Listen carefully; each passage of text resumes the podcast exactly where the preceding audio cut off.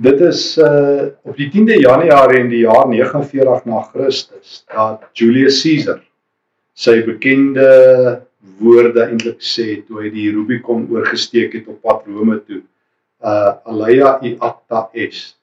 Die gietvorm is gegiet toe hy oor die Rubicon. Dit het 'n baie bekende beeld geword om 'n Rubicon oor te steek. Ek onthou um, dit was die bekende berugte beroemde toespraak van PW Botha. Die vleeniers het so afkorting wat hulle op 'n stadium gebruik het PNR.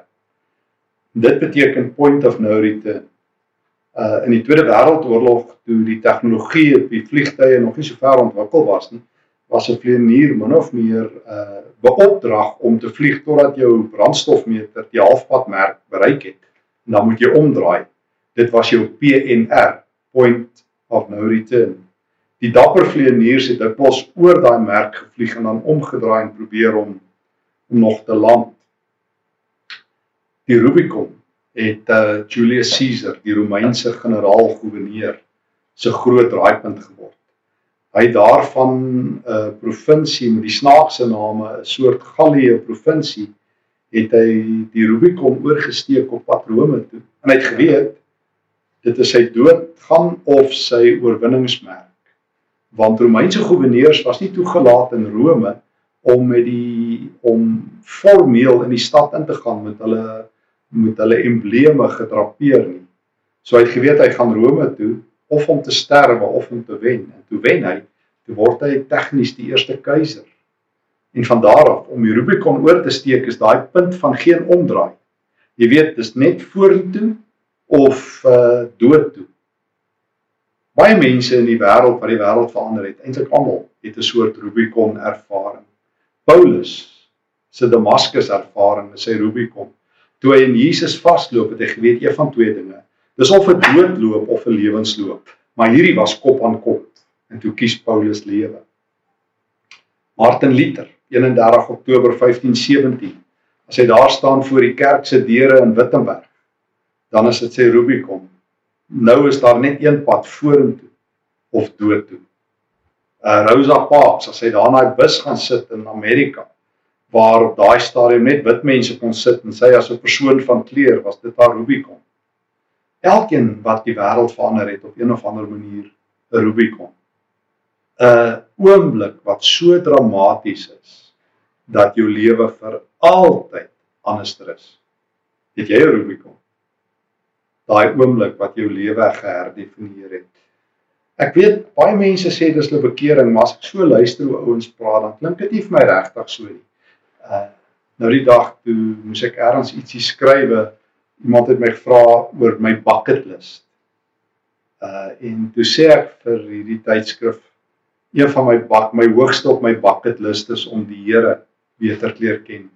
Kyk die persoon my so half sinies aan sê nee man, wat bedoel jy eintlik? Want ek weet baie Christene praat oor 'n bucket list, maar hoor nooit dat die Here nommer 1 is nie. En as jy vir jong mense vra, kerkmense vra, vir Christen mense vra, wat wil jy nog met jou lewe doen? Wat wil jy nog bereik? Dan sal min ouens vir jou sê ek soek ek wil bereik 'n nuwe, dieper verhouding met die Here. So ek wonder baie keer of ons regtig nuwe mense is nadat ons in die Here vasgeloop het. En of die Here maar net 'n aanvulling is, soos 'n vitamien aanvulling. Is hy regtig die alternatief? Soos wat ek altyd vir myself vra, uh en ek het dit geleer by Bob Goff, die inskrywer. Sal ek alles wat wat my lewe definieer, dit prys gee en dit opgradeer na Jesus toe? Will you take everything that defines you and trade it up for Jesus? Van Rubicons gepraat. Jesus se Rubicon is Getsemane.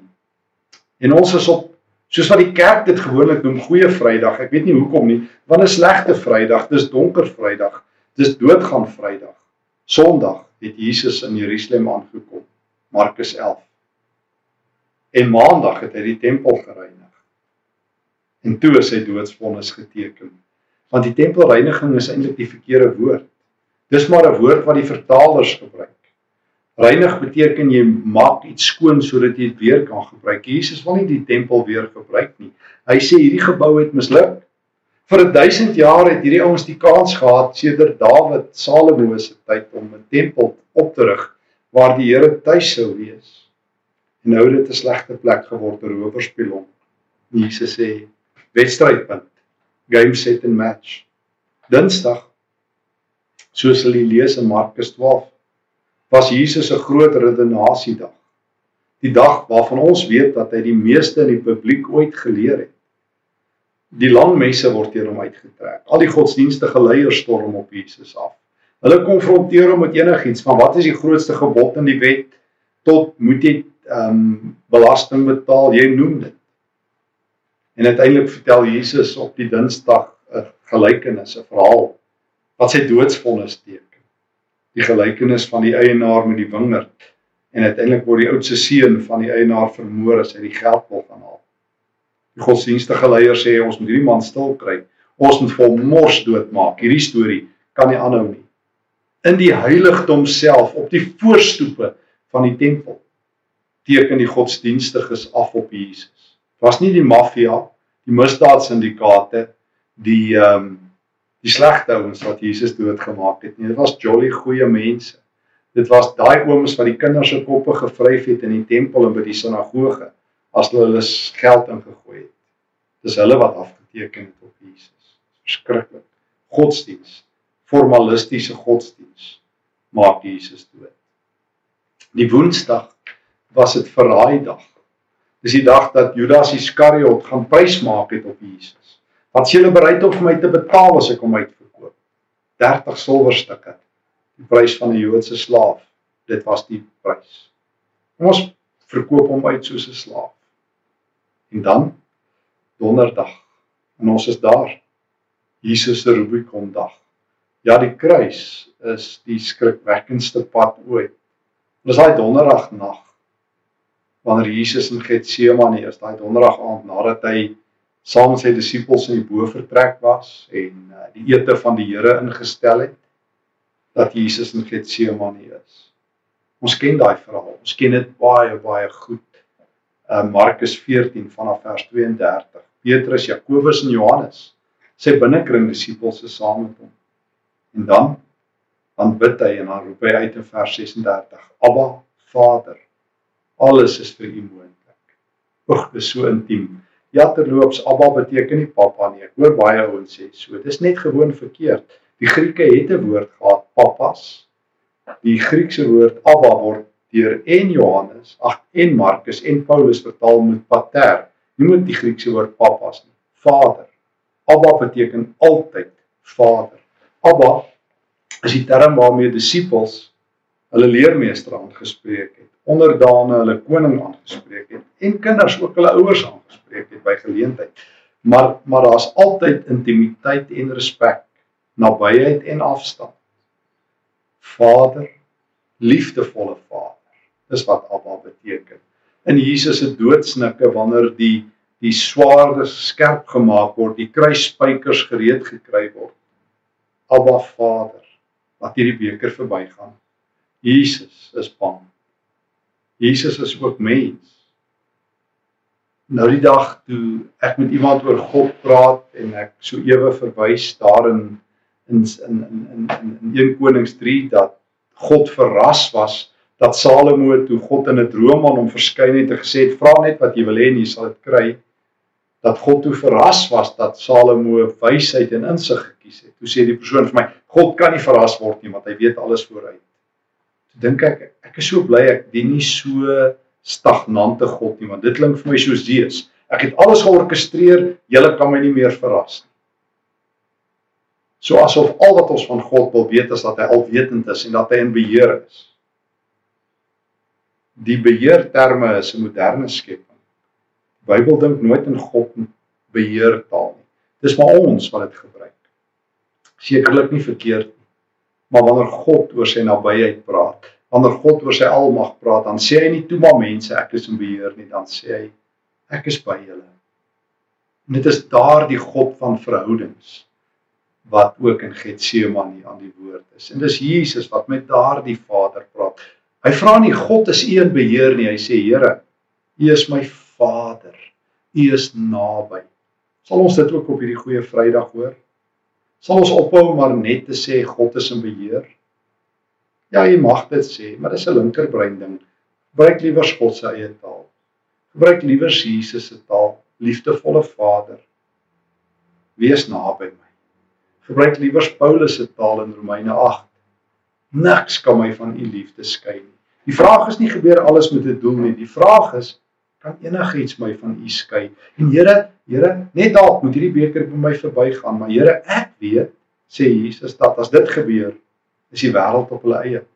As ek nou nie die Rubicon oorsteek nie, sterf miljarde mense in hulle sonde. Daarom Here, as dit moontlik is, maar Here, nie my wil nie, u wil. Hoe ek is so dankbaar Jesus het reg gekies. Ek is so dankbaar Jesus het die Rubicon oorgesteek. Ek is so dankbaar. Hy het my God se hart kom wys. Want ek het so bietjie verkeerd oor God gedink, ook op Goeie Vrydag, Donker Vrydag. Want ek het maar met die idee groot geword God orkestreer en hy beheer. En dis maar die taal. Maar wanneer ek in die Nuwe Testament inloop, dan is daar 'n ander taal, die taal van 'n Vader. 'n Vader wat omgee. 'n Vader wat naby kom. Hierdie God wat naby aan Jesus is, is ook die God wat saam met hom die hele Via Dolorosa stap. En uiteindelik ons bring by goeie donker swart Vrydag. 'n Here wat aan 'n kruishout hang en wat uiteindelik sterwe en wat uiteindelik moet uitroep my God my God waarom het U my verlaat die God van Getsemane is ook die God van Jesus aan die kruis. En Jesus hang uiteindelik aan die kruis op Vrydag. En ons ken almal ook behalwe sy Getsemane woorde ken ons ook die woorde wat hy daar teen die middel van die kruisiging uitroep my God my God waarom het U my verlaat? Uh daar in Markus 15 vers 34 my God my God waarom het U my verlaat? Daar teen 12 uur die dag. Sy groot aanhaling uit uh, Psalm 22 Jesus aan die kruis Jesus aan die hout Jesus aan die sing jy het reg gehoor Jesus aan die sing hm. Want Psalm 22 is 'n lied. Gaan lees maar Psalm 22. Dis 'n lied. En en en en die aangrypende van my is wanneer mense in 'n krisis is, dan dink jy nie, dan skakel jou jou denkende brein as te ware uit, dan reageer jy amper op impuls, dan hardloop jy amper op outomaties, dan kom dit wat diep in jou hart is maklik na vore. Nou wanneer Jesus sterwe, dan is ten diepste sy lewe deurdrenk met uh, Psalm 22. Dan het Jesus 'n loflied. Ja ja, 'n lydingslied. My God, my God, waarom het U my verlaat? My hierdie Psalm eindig aangrypend. Dis 'n Psalm wat eindig met God wat wen, wat wat wat wat redding gee. Ek moet 'n stukkie saam met jou lees want die hele Psalm is in Jesus se hart. Dit is as te ware, verskoon die engel sê victory chant. Here, U het my verlaat, maar Here, ek weet nog iets van U. U gaan my nie eintlik verlaat nie.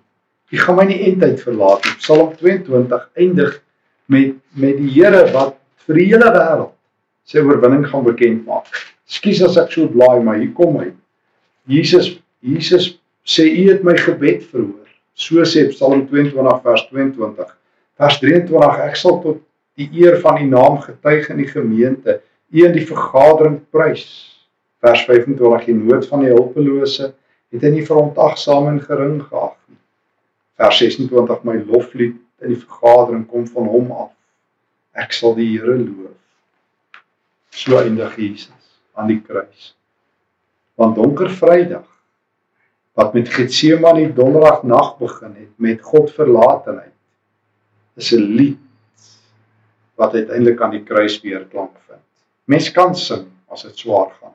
Jy kan sing my God, waarom het jy my verlaat en vashou aan die God wat saam deur die donker dal stap. Soos wat Jesus doen. My God, my God, waarom het jy my verlaat? En so sterf hy kort daarna. En dan die belydenis van die offisier daar reg voor die kruis in vers 39. Hierdie man is die seun van God. Ja, dis God wat se seun wat daar hang. Dis God se seun wat sterf Daarom breek my hart dat hy dit vir my moes doen. Maar ek weet hy wat uitgeroep het, my God, my God, waarom het U my verlaat? Het die einde van hierdie Psalm geken het 'n loflied daarvan gemaak. Daarom kan ek ook in hierdie tyd op hierdie stil of Vrydag, hierdie donker Vrydag, opkyk na my Here en hom dien as die God van die kruis. Kom ons aanbid hom. Here Jesus, dankie dat U dood gegaan het aan die kruis sodat ek kan lewe. Dankie dat U die Rubicon oorgesteek het in Getsemane sodat ek kan lewe. Dankie Here dat U my foute, my gemors, my oortredings op U eie skouers getel het sodat ek kan lewe. Ek vra om vergifnis dat ek dit aan U gedoen het, dat dit die prys was. Maar ek dank U dat ek saam met U kan lewe. Amen. Mag jy vandag die Here opnuut sien op hierdie goeie